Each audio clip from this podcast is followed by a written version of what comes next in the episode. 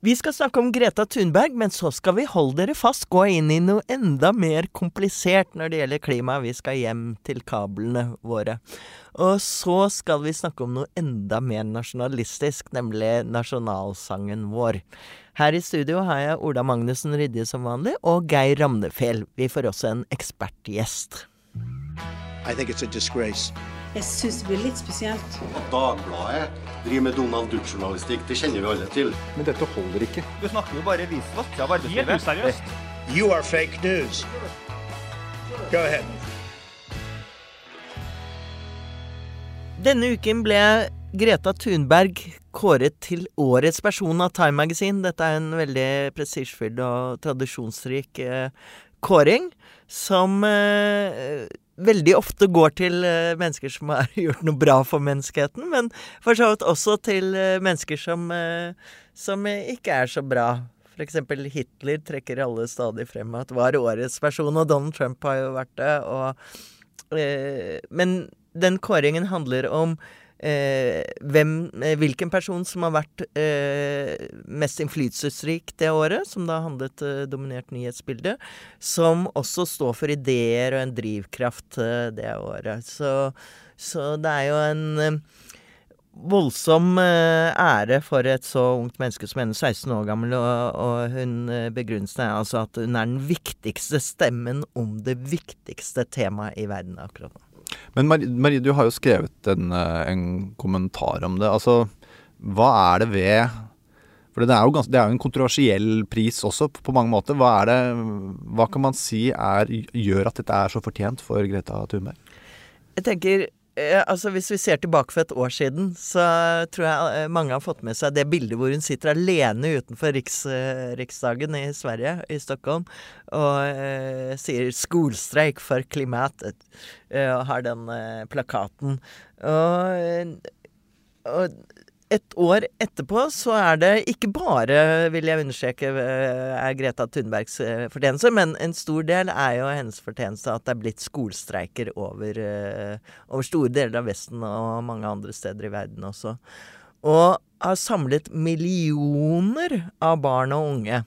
Og har satt dagsorden, ikke minst, eh, gjennom eh, Selvfølgelig, politikerne lytter jo når de ser alle disse massene ute i gatene, så stopper de opp og skjønner at dette må de høre på.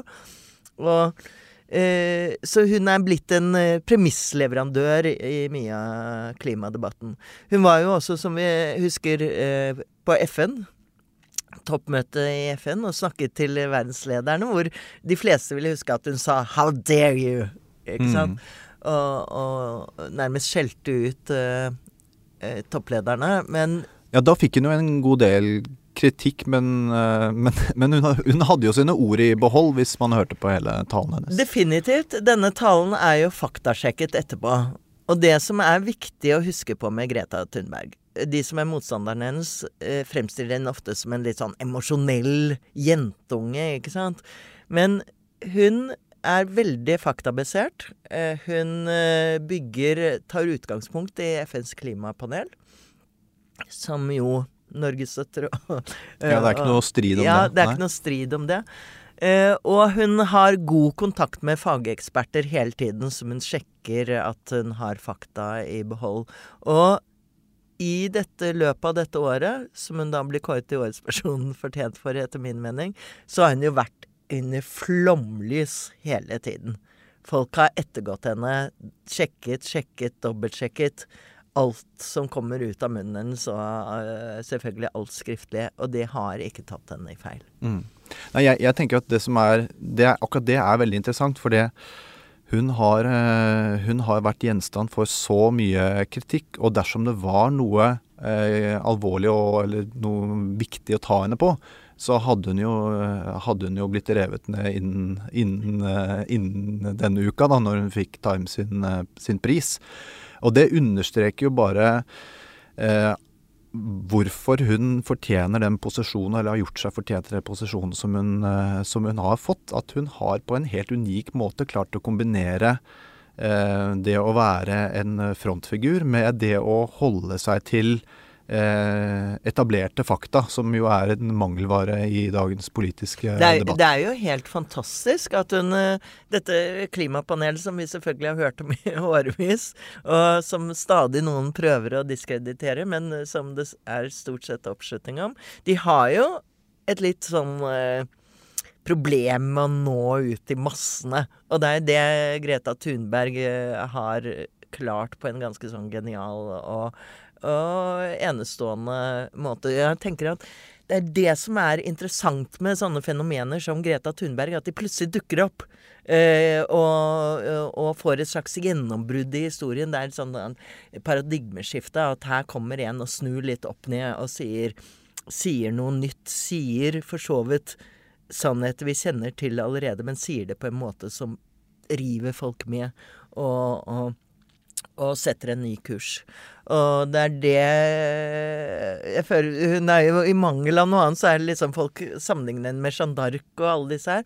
Men, men det er jo Jeg vil heller sammenligne henne med de vi har sett opp gjennom årene av sånne borgerrettighetsforkjempere, Mm. som jo trår inn på en arena hvor det allerede er eh, mye politisk debatt eh, og politisk støtte også, men hvor de får et slags sånn gjennombrudd. Der tiden er på en måte moden for dem, og så er Ja. det en person som klarer å målbære disse tingene, mm. sånn at man har noen å personifisere kampen Ja. kampen eh, bak. Og så tror jeg dette Hun sier jo selv Jeg skal være veldig forsiktig med å psykologisere henne eller noe sånt, men noe av det som jeg syns er så Styrken hennes er jo dette at hun er så direkte og, og litt sånn nettopp Litt sånn uemosjonell, egentlig. Eh, dette 'how dare you'-utbruddet var jo kanskje heller litt ulikt henne. Hun er jo ganske sånn nøktern uh, fremtoning uh, både av utseendemessig og måten hun snakker på. Og hun sier jo selv at dette kanskje Hun knytter det selv opp til at hun har asperger, og sier at det gir henne superkrefter. Det kan jo være at hun, eh, at hun eh, At det er noe i det. Hun kjenner vel seg selv best. Jeg tenker det er en fordel å ha litt Asperger i klimadebatten, ja. Det, kanskje vi skal inn på det i neste Ja. innslag. Ja da. Men, eh, men til slutt, hvorfor er liksom folk så forbanna på henne? Det Det undrer meg. At folk blir så, går så fullstendig av skaftet. Ja, nei, det, det Jeg tror det er noe med at det er veldig mange som har en, eh, en eh, grunnleggende skepsis mot persondyrkelse i, i det hele tatt. Og det er jo, det er jo forståelig, yeah. for så vidt. Eh, og så er det vel mange som eh, eh, rett og slett ikke er så opptatt av klimasaken, sannsynligvis. De vil jo være uenige med henne. Og så er det vel mange som er skeptiske til hvorfor en, en så ung person skal målbære en, en, en sak som er så viktig, og som, som egentlig det etablerte politiske miljøet burde, burde håndtere. Men da mener jeg i hvert fall at da, da, da hopper man forbi poenget med Greta Thunberg, som er da at eh, hun, hun målbærer på en måte en, en Og så er det generasjonskamp. selvfølgelig mye sånn konspirasjonsteorier, sammensvergelser. At hun bare er et redskap. Altså Jeg tror egentlig at eh, budskapet også er noe av det som gjør folk veldig redde. Hun sier det ganske enkelt at eh, enten må vi tilpasse, tilpasse oss nødvendige endringer for å nå klimamålene i dag, ellers må vi tilpasse oss ganske katastrofale tilstander hvis vi ikke klarer å lykkes.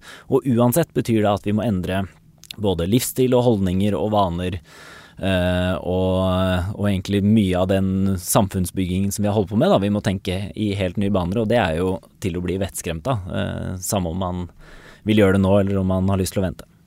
Ja, ikke sant? Fordi at eh, det er mange, selv om man trenger ikke være klimaskeptiker for å være skeptisk til at vi selv skal ta ansvar. At vi vil jo helst eh, holde levestandarden vår og sånn, og da, da Mm. blir man litt eh, Litt skremt når man skjønner at det faktisk betyr en omlegging av livene våre også. Men dette med klima, Geir Ramnefjell, det er jo komplisert. Jeg tror jeg en gang eh, sa til deg, jeg har sluttet å mene det, da, at jeg syns at klimajournalistikk er så kjedelig. Men det er jo kanskje fordi at, eh, fordi at det er så komplisert. For det er ikke kjedelig lenger. Nei, nå er det ikke kjedelig lenger. Det måtte Greta Thunberg måtte komme inn og, og jazze det opp med. Nei da. Men det er vanskelig å henge med i svingene, og da er det kanskje lettere å være for eller mot uh, Greta Thunberg enn å sette seg inn i f.eks. Uh, kraftkabler mellom Norge og Skottland. North Connect, som er, diskuteres i, akkurat i disse dager. Og eh, vi har skrevet på lederplass om at dette handler om store nasjonale strategier og om politikk i smått og stort. Og likevel så er det kanskje mange som ikke helt eh, vet hva, hva som diskuteres. Hva er det egentlig? Kraftkabel mellom Norge og Skottland. Skal de få konsesjon eller ikke? Ja, nei, Norge har jo allerede mange kraftkabler eh, til flere, flere, land. Og nå er det da spørsmål om vi skal bygge én til. Eh, I det som eh, har gjort saken aktuell denne uka, er at eh, Norges vassdrags- og energidirektorat, NVE, har lagt fram en rapport hvor de konkluderer med at denne kabelen mellom Norge og Skottland vil være samfunnsøkonomisk lønnsom. Og det vil si at de som selger kraften til Skottland, vil tjene mer penger enn det vil bli dyrere strømpris i Norge. Men da er man jo med en gang inne i det som et av punktene som gjør denne saken veldig politisk kontroversiell, og det er økt strømpris. For i Norge så er vi vant til å ha lav strømpris, både for brukere som da eh, reiser seg i bust og som, og som, antenner det politiske landskapet hver gang en sånn høy strømpris kommer, eh, kommer eh, med gjennom mellomrom. Eh, og så har vi det andre, at vi har en industri, kraftkrevende industri, som er veldig politisk, eh, politisk eh, mektig. Eh, som, eh, som, har billig strømpris som en viktig konkurransefordel. Eh, og Dette bygget landet. Dette bygget landet. Eh, og dermed så er det ikke bare bare å si eh, Det er i hvert fall ikke rett fram å si at jo da, dette vil være samfunnsøkonomisk lønnsomt fordi vi tjener mer penger på det enn det det blir dyrere her hjemme. Eh, da må man samtidig prøve å finne ut av hvordan man skal kompensere da, for at de får de andre uheldige effektene. Men, ehm, men, men, hvorfor skal vi eh, sende strømmen vår til Europa? Det er fordi um, vi allerede gjør det. det, det er, vi er jo i, driver jo allerede med kraftutveksling med andre land fordi det er en fordel for oss. Sånn at vi kan importere eh, kraft når den er billig i uh, utlandet, og vi kan selge vår kraft når den er lønnsom eh, å selge på markedet. Og I tillegg så har jo Eh, NorthConnect, de som har tatt initiativet til NorthConnect, som denne kabelen eh, heter, de har beregnet at den kabelen vil kutte to millioner tonn CO2 hvert år i Storbritannia hvis den blir bygd. Det er mye. Det, det, er mye. Det tilsvarer én million biler hvert eneste år. Så klimamessig så er dette her åpenbart en, eh, en god idé. Men, men igjen, da, ikke sant, når det er andre ting som man må veie opp mot det, så blir det veldig politisk eh, kontroversielt. og Derfor ser vi på Stortinget nå at dette er en sak som mobiliserer kraftig, og som de politiske partiene eh, nærmest eh, går i, i høygir for å posisjonere seg riktig i forhold til. Eh, det går litt på kryss og tvers, men det er likevel noen sånne politiske motsetninger som, som utkrystalliserer seg. Vi husker jo kampen om ACER, som også var dette eh, energibyrået som det ble mye, mye, strid om, og som man til eh, slutt så vidt fikk Norge til å tilslutte seg. Og det vi kan si, er jo at det er tradisjonell eh, Arbeiderpartiet, Høyre, eh, MDG for, og så er det liksom litt sånn Senterpartiet og venstresida som er mot. Og da er det Er det et klimaspørsmål, eller er det et EU-spørsmål? Det er begge deler. Eh, og det er nettopp det at eh, Senterpartiet og deler av Fremskrittspartiet nå, ser vi, eh, og Rødt er veldig, veldig sterke EU-motstandere. og de ser jo denne kabelen, dette spørsmålet, som en god anledning til å dyrke fram det de mener er negative eh, effekter av å eh, knytte seg nærmere til, eh, til EU.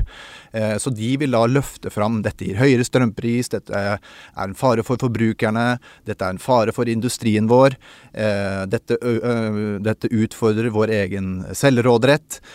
Mens da de stemmene i de andre partiene som sier at vi kan få til både kraftutveksling og samtidig sikre gode rammevilkår for, eh, for industrien og sørge for at dette ikke rammer forbrukerne altfor mye. Og det kan være en god, del, en god ting å samarbeide med EU om kraftutveksling for å få til en grønn kraftproduksjon i Norge og Europa samlet sett. De har jo en, en litt vanskeligere sak, en litt mer komplisert fortelling. å å komme med til velgerne sine. Og dette vet jo Senterpartiet, Rødt og da deler av Fremskrittspartiet godt. Og derfor mobiliserer de veldig kraftig på dette. Det var en voldsom nå.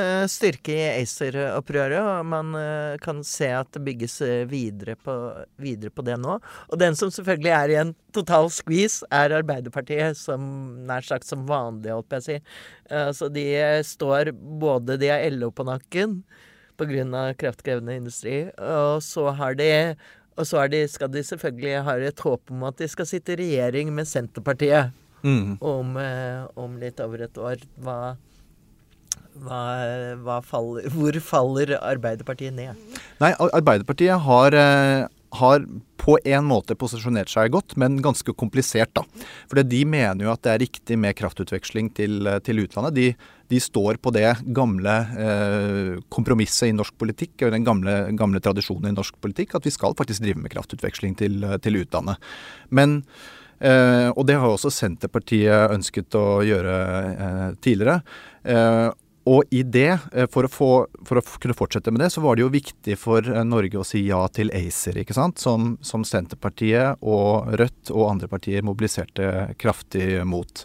Så Arbeiderpartiet da, for å si ja til ACER, så la de noen, la de noen eh, forutsetninger for denne NorthConnect-kabelen. De var litt framsynte. De sa det at hvis denne NorthConnect-kabelen skal eh, bygges, så skal den være Eh, så skal vi først høste erfaringer av to andre kraftkabler som nå er under bygging. Og den kabelen som da er i dag eid av kommunale eh, kraftselskaper og svenske Vattenfall, den skal være eid av Statnett for at vi skal kunne godta det. Det var, var forutsetningen for at de skulle støtte ACER. Og, så de, har, de, kan nå med rette si at nei da, det som å bare si liksom uforbeholden ja til NorthConnect i dag, det er ikke riktig. Men hvis alle de andre tingene faller på plass, og vi får til et kompromiss som tar hensyn til alle, så Arbeiderpartiets yndlingsøvelse, dette er. Så, så kan dette være en fortsatt funker. Ja, nettopp. Men det, dette er spennende. Og det, det, er jo det vanskelige for dem at Senterpartiet da, som er blitt veldig mye sterkere på målingene, de er knallharde mot da eh, sin, eh, sin eh, re, framtidige regjeringskollega Arbeiderpartiet, og presser dem utrolig hardt på denne saken her. Eh, og det kan man jo si er litt sleipt fra, fra Senterpartiets side, men det Arbeiderpartiet har jo ikke noe annet valg enn å forsvare seg så best de kan. Og det har vi jo også sett de siste dagene, at de mm, svarer med å være ganske tøffe i retorikken og si at Nei da, vi skal ikke si ja til denne kraftkabelen på denne måten, men bak, bak retorikken så er jo bildet litt mer komplisert. Ok, jeg tror at uh, dette kommer til å være en debatt som bare uh, koker, og plutselig dukker opp rundt et middagsbord nær deg. Så nå har du fått en liten jukselapp, og kan, kan uh, bare, bare, ta Geirs ord til dine, for Geir har alltid rett. Han er i hvert fall min sjef.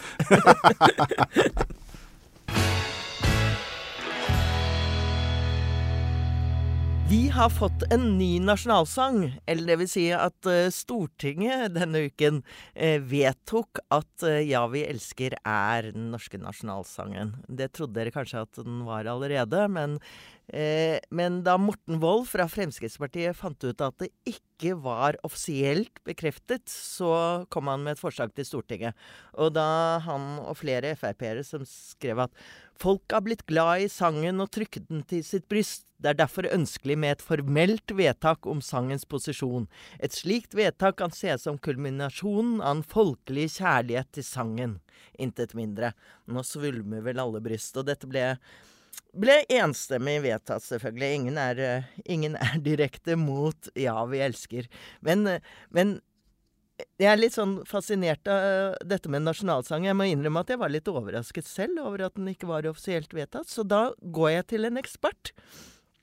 Anne Sigrid Refsum i eh, Trondheim, stipendiat ved NTNU. Eh, og hun holder på med et prosjekt som heter Skillingsvisen i Norge 1550-1950 Den forsømte kulturarven. Hei, Anne Sigrid Refsum. Hei, Marie. Veldig hyggelig å være med.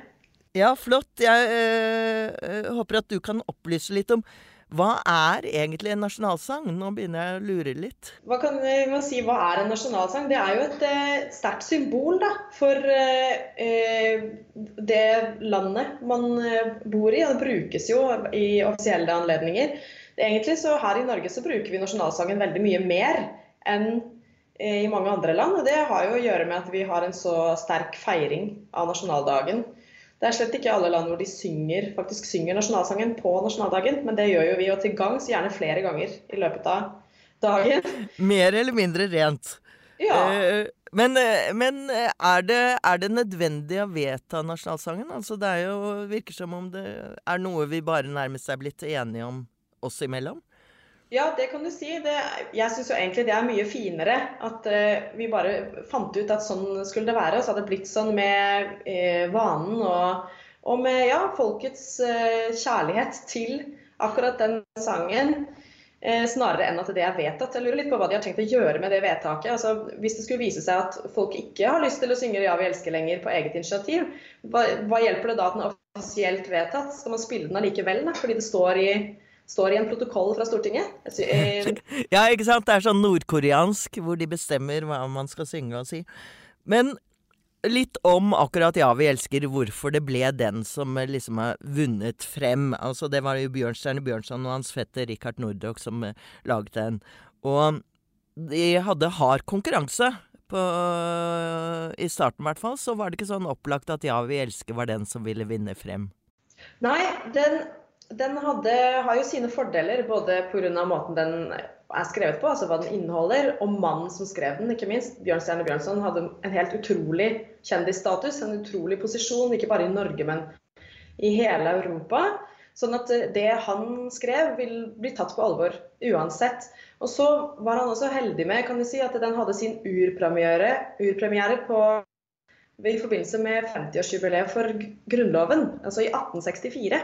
Og Det er egentlig fra 1864 at vi ser at det virkelig begynner å komme mange sånne nasjonale sanger. At de blir trykt i store opplag og spredd ut til vanlige folk. Før det så ble det sunget mest eh, nasjonalsanger i sånn studentmiljø. Det var de som var opptatt av nasjonen og, og eh, at de skulle liksom lovprise Norge. da litt sånn vennskapelig kiving med svenske og danske studenter også når de møttes på sånne stevner. Sånne studentsangerstevner og sånne ting. Det var før 50-årsjubileet. Og så etter det så ble det mye sterkere bevissthet eh, som vokste utover andre halvdel av 1800-tallet rundt eh, sånne nasjonale ideer og hva Norge er. Og det, de ideene som vi har om hva Norge er i dag, er langt på vei basert på, på disse måtene, de, de debattene som gikk, og de sangene som ble sunget på slutten av 1800-tallet. Men samtidig, samtidig, har jo Bjørnstjerne Bjørnson han har noen sånne triks som vi kanskje er litt fremmed for oss i dag. Han er innom liksom kongerekken og, og trekker litt de lange linjene her gjennom sangen. Ja, han traff tidsånden veldig godt med den eh, teksten da han skrev den. Og eh, F.eks. en av tingene han gjør som gjør at den eh, nok eh, traff publikummet hans veldig godt, er jo at han eh, trekker inn den måten som de underviste historie på, eller den måten folk lærte om norsk historie på den gangen. Så han bruker referanser til sanger om eh, slaget ved Kringen i 1612. Eh, og som var en veldig populær sang, Sirkularvisa. Han refererer til den. Han refererer til kongerekka som folk lærte. Han trekker inn formuleringer fra konfirmasjonsritualet, som i den gangen praksis var en sånn eksamen som alle var gjennom. Så dette var folk, ting som folk kjente igjen. Og det er også eh, Tordenskjold, han ble det sunget mye om, og eh, andre heltedåder fra den store nordiske krigen, som på det tidspunktet var 150 år siden, men sett på som en veldig sentral hendelse i norsk historie, og som folk kjente til, og som folk sang sanger om. Og eh, sanger var veldig viktig for å formidle f.eks. For historie. altså Det ble brukt pedagogisk, og folk eh, likte å synge gode sanger og sang veldig mye. Så dermed ja, den, så har han, I Ja, vi elsker, så har han i Ja, vi elsker, så har Bjørnson liksom oppsummert alt dette her og samla det og pakka det inn på en litt ny måte. Og det liker folk. Ting som er kjent, som blir pakka inn da på en ny måte. Og den tradisjonen syns jeg vi i Norge har gitt litt slipp på, i hvert fall sammenlignet med svenskene. Vi er ikke så flinke til å synge lenger. Og, og du nevnte for meg at, at uh, Ja, vi elsker melodien faktisk også er uh, brukt som en drikkevise. Og ja da, Det som folk også var veldig flinke til da på 1800-tallet, var at når de når de eh, kjøpte disse her eh, skillingstrykkene, da, sånne billige hefter med sanger i, som var den primære måten sanger ble spredd på, og gjennom sanger da mange nye ideer, nye tekster, så kjøpte de disse, og da, da står det sånn eh, Synges på melodi til en eller annen kjent melodi, sånn som vi gjør med konfirmasjonssanger i dag. at Da står det eh, Kjærlighetsvisa, f.eks. Og så kan alle melodien, og da kan de synge den nye teksten. Og Sånn fungerte disse skillingsvisene også skillingstrykkene. Og da eh, Kan du gi oss et eksempel på det? Um, ja, da brukte de f.eks. da melodien til 'Ja, vi elsker' når den var godt etablert. Så brukte de den til alt mulig rart. Så kunne de bruke den til f.eks. en hyllestsang til Nansen fra 1896, som går på melodien 'Ja, vi elsker'. Og ikke minst så er det sånn at alle alle sanger som har en veldig sånn sterk patos, veldig sterk følelsesmessig, seriøs og alvorlig karakter, de får automatisk en satirisk slag, slagside. Så da er de veldig godt egnet til å brukes til satiriske eller morsomme sanger. Det er egentlig en måte å bekrefte på at noe gjør følelsesmessig inntrykk på folk. Det er at man da kan tulle med det. Det ser vi veldig tydelig, vi som forsker på disse gamle sangene. Så dermed så eh, blir det ekstra gøy å lage en drikkevise eller en tullete sang eller en satirisk sang om en politiker f.eks. på melodien til 'Ja, vi elsker'. Så da har jeg faktisk en drikkevise her fra Tønsberg i 1885. Så det kan du huske på når de, de som skal eh, feste på Playaen i Tønsberg eh, til sommeren, kan du huske på at de må feste som om det var 1885. Skal du få høre, da. Kjør i vei! Ja. Norske mann i hus og hytte, hold de flaske full. Den kan deg mot sørg beskytte, mer enn gods og gull. La kun kjerringene knurre, barna skrike høyt. Du lar bare humla surre og tar deg en støyt. Du lar bare humla surre, og så tar du deg en støyt. Og det er mange vers som er i samme, Bravo. i samme leia. Den heter faktisk 'Ei ny og uvoren vise om øl- og brennevinsdrikken' av Lars Utfolding. Så det er et pseudonym, da, regner jeg med. Men eh, hva er dine favoritter blant uh, disse sangene? Er det noen du syns kanskje hadde egnet seg vel så godt som 'Ja, vi elsker'? Ja, altså, 'Ja, vi elsker' Første gang den ble trykt som dikt i 1859, så ble den trykt sammen med en annen sang av Bjørn sånn som kalles for Gamle Norge. Der ligger et land mot den evige sne, osv. Og, så og den er kjempefin, altså. Den skulle mm. virkelig vært sunget mer, syns jeg. Ellers er jeg glad i eh, 'Mellom bakkar og berg'. Den eh, fortjener en mye større plass i offentligheten enn den har. Den er nøktern. Den sier noe om norsk kultur som jeg tror vi kan kjenne oss igjen i faktisk i dag. Men så har jeg også en favorittnasjonalsang eh, til hverdags. Og det er eh, rett og slett eh, Knutsen og Ludvigsen, 'God morgen Norge'. Da, eh, den forteller hvordan kaffen koker i de tusen hjem og sånn. Da blir jeg litt sånn rørt jeg, kjenner på det fellesskapet av alle vi trøtte trynene som står og venter på kaffen over hele landet. Og, og, kan liksom reflektere litt over det heroiske og banale i hverdagen som vi deler alle sammen. Nettopp. Det trenger ikke være så høystemt som det er på 17. mai hver dag for å binde Nei, folk sammen. Nei, trenger ikke det. Og det er kanskje det største fellesskapet vi opplever, er nettopp eh, morgenrushen. så, så, da kan, kan, vi reflektere litt. som så når neste gang du står i sild i tønne ikke sant, på 20-bussen eller lignende, så kan du sette på 'God morgen Norge' med Knutsen og Ludvigsen, og så la deg fylle med kjærligheten til alle disse dine landsmenn som du kanskje ikke, Kjærlighet til landsmennene er kanskje ikke det man eh, kjenner mest på da, i morgenrushen. Men det men det, det lar jeg meg inspirere til, i hvert fall, av denne God morgen Norge. og om 100 år så blir nok God morgen Norge vedtatt på Stortinget, anerkjent som ny nasjonalsang, kanskje. Eh, tusen takk, Anne Sigrid Refsum, og takk for sangen, ikke minst. Bare hyggelig.